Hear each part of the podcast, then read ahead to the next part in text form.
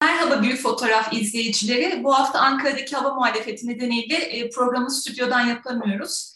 E, daimi konuk e, Sayın Aydın Sezer'le beraber bugün en çok konuşulan konulardan birini ele alacağız. Türkiye'nin doğalgaz sorunu ve geçen hafta İran'dan başlayan doğalgaz kesintisinin bu hafta nasıl iz düşümlerine olacağını konuşacağız. Öncelikle en çok merak edilen soruyla başlayayım Aydın Bey. Bu kesintinin tek sebebi İran mı yoksa başka sebepler mi var gerisinde? Çünkü bir yandan 2020'de 48 milyar metreküplük bir doğalgaz e, tüketimimiz varken geçen sene 60 milyar metreküpe çıktı. Dolayısıyla giderek artan bir e, doğalgaz talebimiz de var. E, bunu tek kaynak olarak İran'dan mı karşılıyoruz ve bu kesintinin tek sebebi İran mı? E, bunu öğrenerek e, programa başlayabiliriz. Öncelikle iyi yayınlar. E, hayır, tek neden İran değil. Tek cümleyle cevap vermek gerekirse e, biriken e, bazı sorunlar var. İran sadece bardağı taşıran son damla oldu. Ama bizim e, yaşadığımız sorunları bir dış nedene ya da dış etkene bağlamak gibi bir özelliğimiz olduğu için İran gazı kesti, böyle oldu gibisinden bir açıklamayla e, kendi sorumluluklarımızı ya da hatalarımızın üzerini ne yazık ki örtbas etme e, çabamız ortaya çıkıyor. Kesinlikle tek neden İran değil ama nedenlerden bir tanesi ama asıl neden değil. Onu e, başlangıç sorunuza e, cevap olarak net olarak söyleyebilirim. Peki bu konuda herkes aslında enerji uzmanı kesiliyor. Özellikle kış aylarında böyle kesintiler olduğunda karşıma gerçek bir enerji uzmanı bulduğum için de sormak isterim. Türkiye'nin kaç tane doğalgaz sağladığı hat var? E, enerji hub'ı olmak ne demek? Koridorlar nelerdir? Onlardan biraz bahsedebilir misiniz? Şimdi e, Menekşe Hanım elbette e, yalnız e, bir hususu belirtmem gerekiyor. Türkiye'de boru hatlarıyla gelen doğal gaz anlamında eğer konuya yaklaşacak olursak sadece üç ülkeden doğal gaz ithalatı yapıyoruz. Bunlar Rusya, Azerbaycan ve İran. E, elbette tek kaynak e, boru hattıyla gelen doğal gaz değil ama boru hatlarından bahsediyorsak üç ülke e, var. Bu üç ülkeden de toplam beş hat var. İki tane Rusya'dan, Türk akım ve mavi akım. iki tane Azerbaycan'dan, bir tanesi eski klasik sınırda teslim alıp BOTAŞ'ın milli hatlarıyla dağıtımını yaptığımız, Şahdeniz bir anlaşmasını yaptığımız e, bir e, anlaşma ya da e, güzergah. Diğeri TANAP, son yıllarda devreye giren TANAP. E, diğer bir hat da İran'dan gelen hat. Yani üç ülke, beş hat. Şimdi buradaki e, temel e, sorunlardan bir tanesi biz e, Türkiye'nin boru hatlarıyla uzun vadeli anlaşmalar yapma öyküsünü, hikayesini son 20 yılda ne yazık ki çeşitlendiremedik. Yani bir defa bunu net olarak ifade edelim mevcut ülkelerden aldığımız doğal gaz hep AKP öncesi dönemlerde temeli atılan e, boru ve e, yapılan anlaşmalar. Şimdi denebilir ki işte bu dönemde Türk akım yapıldı. Evet Türk akım yapıldı ama bu yeni bir güzergah değil. Rusya'dan Romanya ve Bulgaristan üzerinden gelen batı hattını ikame edecek bir hat.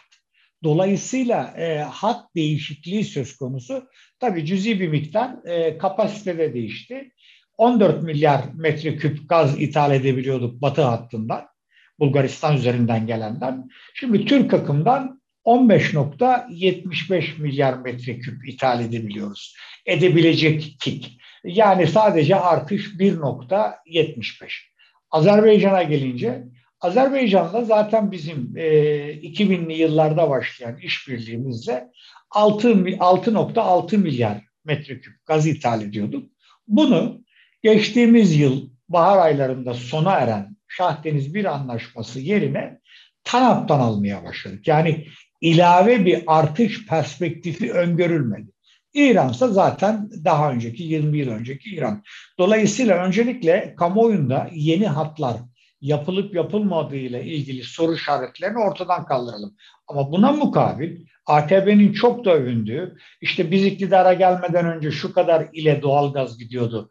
Bizim dönemimizde bu kadar ile gidiyor. Bunları biz götürdük derken doğalgaz arzında temel arz güvenliğini sağlayan boru hatlarıyla ilgili miktar artışına yönelik bir adım atılamadı. Öncelikle bunun net olarak altını çizelim. Çünkü bu bugün yaşadığımız sorunlardan, e, sorunların nedenlerinden en önemlisi. Muhtemelen en önemlisi. Bunun yerine LNG ile ya da spot alımlarla e, gaz artırmaya çalıştık. Ama bu da tabii ki mevsime, şartlara, fiyatlara göre değişkenlik arz ettiği için uzun vadeli boru hatlarıyla yapılan anlaşmalardaki arz güvenliğini sağlamaktan e, uzak e, e, kaldı. Burada e, TANAP'la ilgili özel bir vurgu yapmak istiyorum. TANAP projesi e, Avrupa'nın gaz ihtiyacını da düşünerek dizayn edilmiş bir proje. Tıpkı Türk akım 2'nin de Avrupa'yı e, düşünerek dizayn edildiği gibi. Yani biz Türkiye'de kendi gaz arzımızı, kendi gaz derdimizi bir tarafa bırakıp nedense uzun süreden beri, ta 2000'lerin başından beri Avrupa'nın derdiyle dertleniyoruz. Yani Avrupa'nın e, gaz arzındaki çeşitlilik konusu bizi her zaman geliyor. Yani Avrupa'nın derdi bizi yine bu defada gerdi ne yazık ki. Dolayısıyla öyle enteresan bir ülkeyiz ki stratejik önemi haiz coğrafyamızda Rusya'dan ya da Azerbaycan'dan gelen gazın Avrupa'ya gitmesi için elimizden gelen çabayı sarf ediyoruz. Ama e, TANAP örneğinde olduğu gibi sadece Türkiye'yi boydan boya geçen, e, üstelik Türkiye'yi koridor yapan ki tanımını vereceğim bir hatla sadece gazı izliyoruz. Eskişehir'e kadar da Doğu Anadolu'dan Eskişehir'e kadar da bir çıkış noktası olmadığı için bunun sıkıntısını şimdi kesintilerle karşılıyoruz. Koridor tanımını e, izleyicilerimiz açısından vermek gerekiyor. Koridor bir ülkedeki e, boru hattının mülkiyetinin de başkalarına ait olan bir boru hattının satıcısıyla alıcısı arasındaki anlaşmaya da müdahil olmaksızın topraklarımızın üzerinden geçmesi esprisidir. Bu Türkiye'yi koridor yapar. TANAP'ta zaten %60'ı Azerbaycan'ın, yüzde 10'u BP'nin, yüzde 30'u da Türkiye'nin olan tüm mülkiyeti de bize ait olmayan bir hat var. Bir de karıştırılan e, bir başka e, konsept var. O da transit ülke olma özelliği. Transit ülkede de yine tıpkı koridordaki gibi satıcıyla alıcı kendi arasında anlaşma yapıyor. Ama aradaki taşımayı biz kendi milli hatlarımızla yapıyoruz. Örneğin Ukrayna gibi eskiden Türkiye'ye gelen Rus gazının Ukrayna üzerinden geçiyor olması gibi. Tabii hem TANAP hem Türk Akım 2 e, bağlamında Avrupa'ya giden gaz e, hatlar Türkiye'nin 20 yıllık özlemi olan merkez ülke, hap ülke olma özelliğini de maalesef olumsuz olarak etkiledi. Yani biz e, bu enerjinin alımından, satımından da sorumlu olan, bunun bir pazar haline getirmiş, buna göre piyasa mekanizmalarını oluşturmuş bir hap olamadık. Olamama temel nedenimiz de bizim kendi yanlış e, perspektifimiz. E, siz TANAP konusunda çok eleştirel e, yorumlar da yapmışsınız geçmişte. Hatta Medyascope'da yanlış hatırlamıyorsam Avrupa'nın ihtiyacı olan doğalgazı Türkiye tarafından sübvanse eden çok hatalı bir proje olarak nitelendirmiştiniz. Anladığım kadarıyla TANAP e, Türkiye enerji hap olarak değil enerji koridoru haline getiriyor. E, doğru mu anlamışım? Kesinlikle doğru anladınız. E, TANAP e, büyük bir hataydı. Öncelikle onun altını çizelim. Neden diye sorulacak olursa biz zaten Azerbaycan gazını çok uygun şartlarla Zaten bir de ihracat boyutu da vardı biliyorsunuz. Biz İran, e, Azerbaycan'dan gelen gazın küçük bir miktarını Yunanistan'a da ihraç edebilen bir ülkeydik. Biz e, sınırda teslim alıp kendi milli hatlarımızla taşıyıp doğuyu özellikle İran kesintisine karşı gazsız, gazsız bırakmama opsiyonumuz elimizdeyken biz TANAP'la Eskişehir'e kadar çıkış noktası vermeden Türkiye'nin e, enerji ihtiyacını bir defa öncelikle riske attık, arzı riske attık. İkincisi Şahdeniz gaz sahaları bir ya da iki ya da hepsi zaten çok zengin sahalar değil. Avrupa'ya giden miktarı ki 10 milyar metreküp olarak hesaplanıyor. Bunun gitmesini de engelleyebilirdik. Bu gazın Türkiye'de kalmasını da sağlayabilirdik.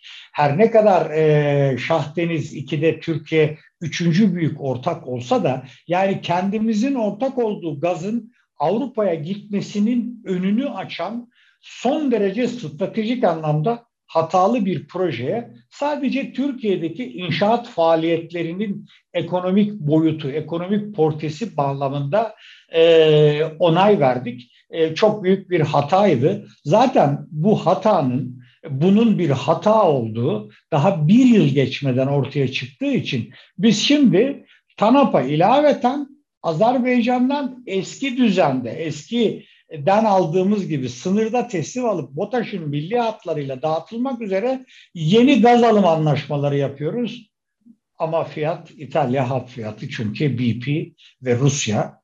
E, Şahdeniz 2'de ikinci büyük ortak da Rusya'dır bu arada. Ya bunu da hatırda tutmamız gerekiyor. E, bunlar İtalya'ya satacakları gazı Türkiye'ye verdikleri için İtalya e, fiyatı çekiyorlar Türkiye'ye. Dolayısıyla e, kendi kendisine zaten bir yıl içerisinde hatalı olduğunu ispatlayan bir proje oldu TANAP ne yazık ki. Yani peki, kendi gazımızı Avrupa'ya satmanın derdine düştük. Açık yani söylemek gerekirse. peki? Şu anda bir fırsat var mı tekrar enerji hub'ı haline gelmemiz için? Şimdi TANAP'ın devamı İtalya'ya kadar tamamlandı. Hatta enerji akışı da başladı. Bu tabii ki e, TANAP projesinin aslında e, Menekşe Hanım arka planına baktığımız zaman burada başka bir e, boyut ortaya çıkıyor. Bu da son derece e, Türkiye açısından, Türkiye'nin milli menfaatleri açısından olumsuz koşullar yaratan, yaratan bir boyut. Türkiye tartışmalı da olsa bir Nabucco projesi dizaynı peşindeydi. Nabucco projesi gündeme geldiği zaman e, imza töreninde Sayın Aliyev yoktu. Çünkü o dönem Türkiye-Azerbaycan ilişkileri son derece gergindi. Ermenistan'la imzalanan protokoller bağlamında. Biz Avusturya, e, Macaristan, Romanya, Bulgaristan başbakanlarıyla bu projeyi Türkiye'de imzalarken bu projeyle sadece Azerbaycan değil, İran gazı, Kuzey Irak'tan gelecek gaz, hatta İsmet'ten gelen Arap Pipeline'la gelecek olan gazın da Avrupa'ya taşınmasının hesabını yapıyorduk. O zamanki ilişkilerin gerginliği Azerbaycan'la e, Sayın Aliyev'i BP ile e, TANAP projesini geliştirme noktasına koydu. Türkiye Nabucco'nun gerçekleşmeyeceğini anladığı zaman TANAP'ı sanki bir e, genel anlamda bir e, Nabucco'yu e, ikame edecek proje gibi düşündü.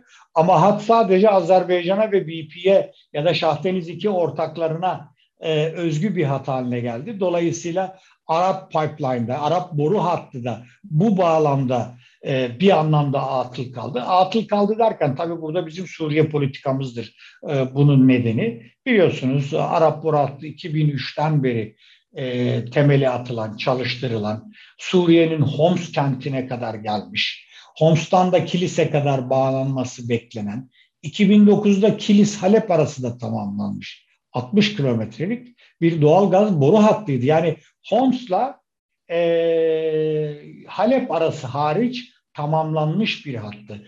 Suriye Savaşı'yla Efendim? Bir de Irak hattı vardı. İki hatta şu anda aslında e, alternatif olarak bekliyor bizim.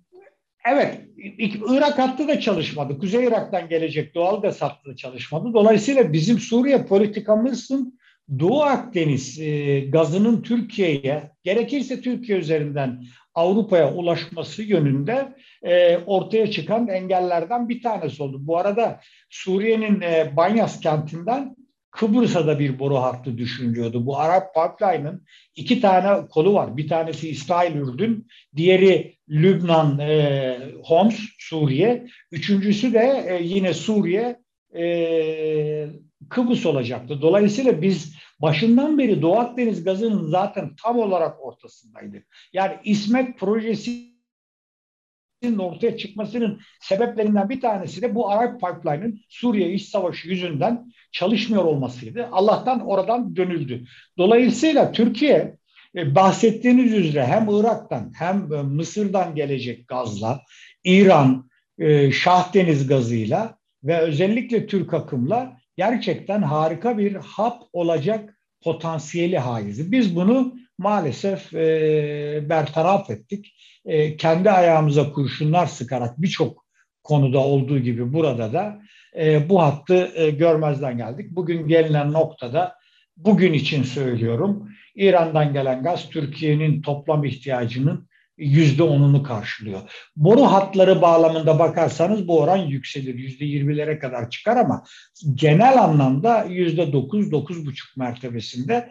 Dolayısıyla öyle bir ülke düşünün ki yoğun kış ortamına yine sizin belirttiğiniz üzere artan talebe uygun olarak e, kış şartlarına e, sıfır stokla, neredeyse sıfır stokla, ucu ucuna e, bir arz talep dengesiyle giriyor. E burada tabii tek e, halka, İran halkası bozulduğu zaman da sistem tamamen dağılıyor. Dolayısıyla e, kısa vadede yapılması gereken bir şey. Bunu espri olarak yapmıyorum. Yani yönetim tarzımıza da espri olarak söylemiyorum. Yönetim tarzına da uygun olarak söylüyorum.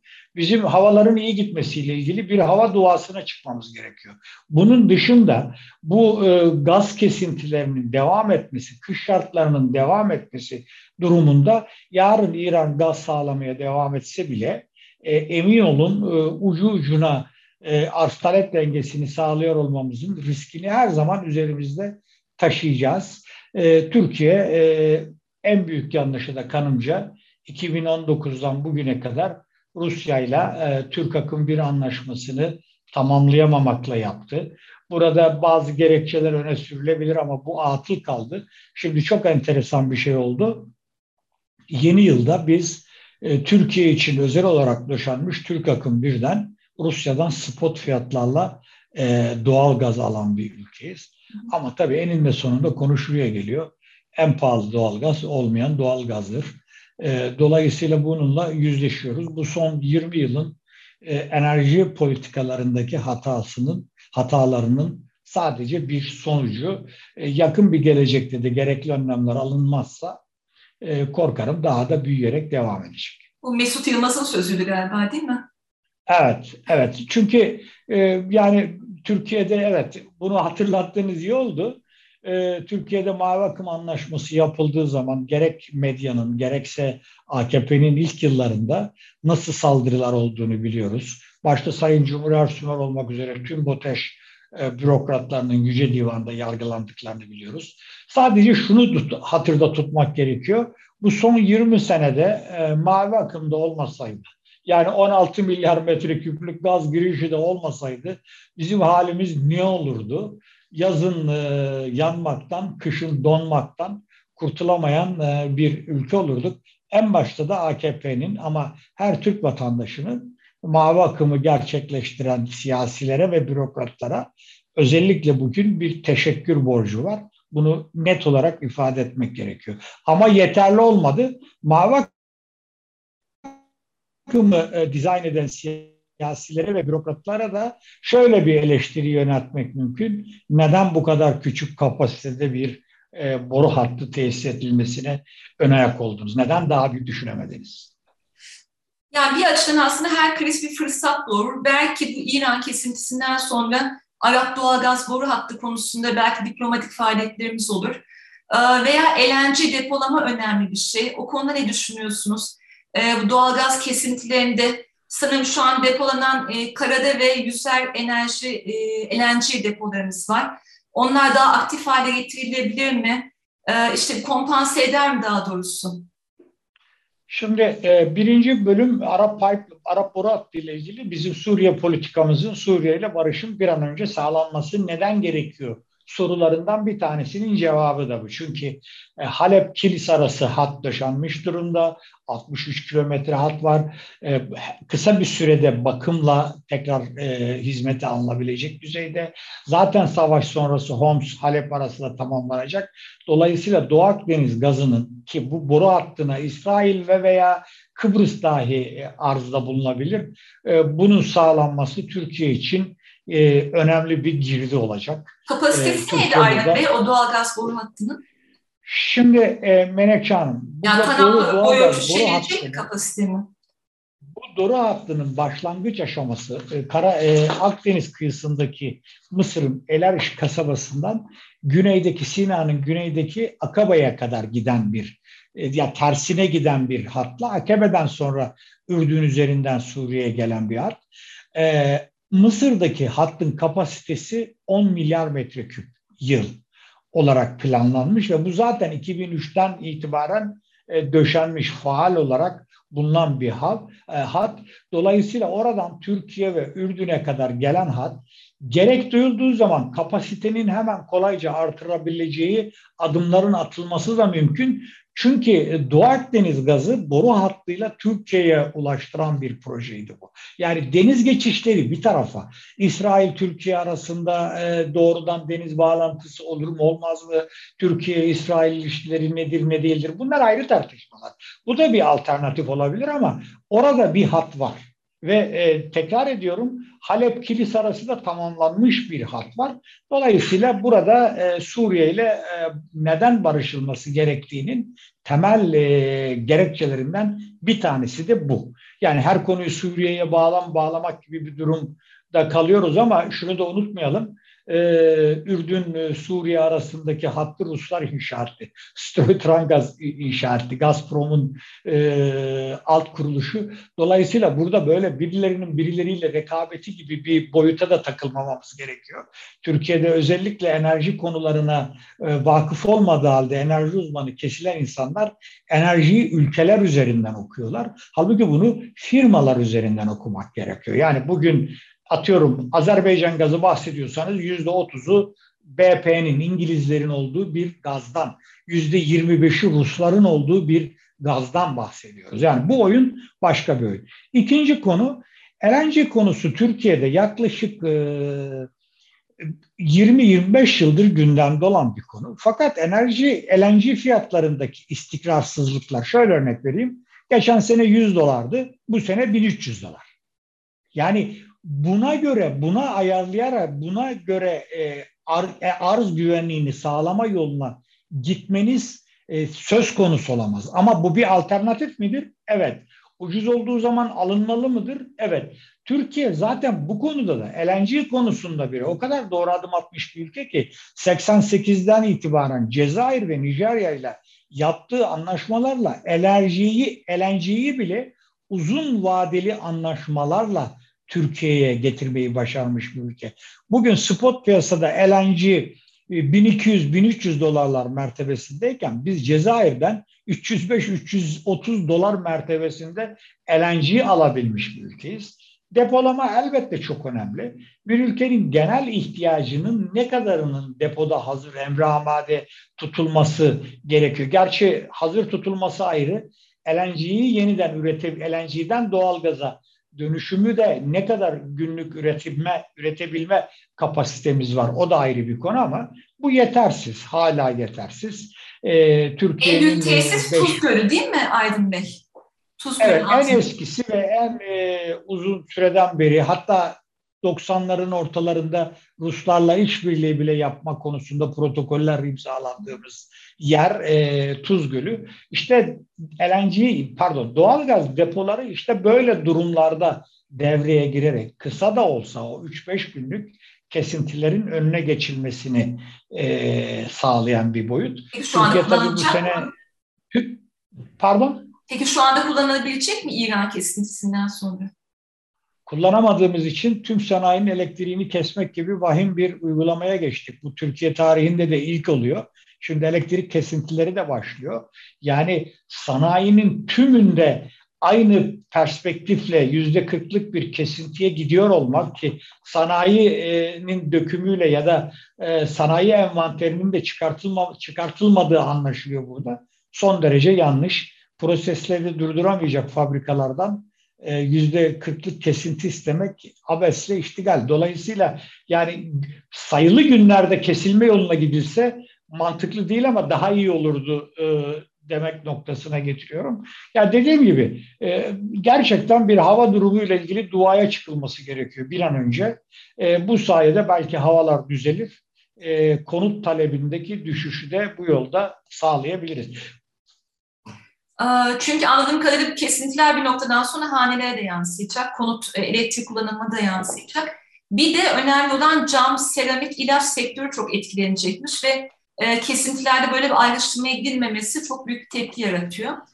E, size çok bu iyi konuda, Bu konuda e, bugün birazdan e, gazete duvarda e, değerli enerji uzmanı Ali Arif Aktürk'ün ne yapılmalıyla ilgili bir önerisi, bir çağrısı, bir manifestosu yayına girecek. E, birkaç saat içinde o da yayında olacak. Bizim programımızda o yazıyı birlikte değerlendirildiğinde tam olarak e, manzaraya hakim olunacak diye düşünüyorum. Arif Bey bu arada BOTAŞ eski e, doğalgaz daire başkanı. Ee, çok teşekkürler Aydın Bey. Birçok konuyu ele aldık ama hepsi birbirine bağlantılı ve çok zorlu bir haftaya giriyoruz. Özellikle sanayiciler açısından. Birçok ocak kapatılacak anladığım kadarıyla bu elektrikle doğalgaz akışı olmadığı için. Hepsine güç diliyoruz yani bu ortamda. Siz de böyle kesintiler bir daha yaşanırsa yapılabilecekler konusunda çok önemli yol haritası çizdiniz. Çok teşekkürler. Bir dahaki programda görüşmek üzere.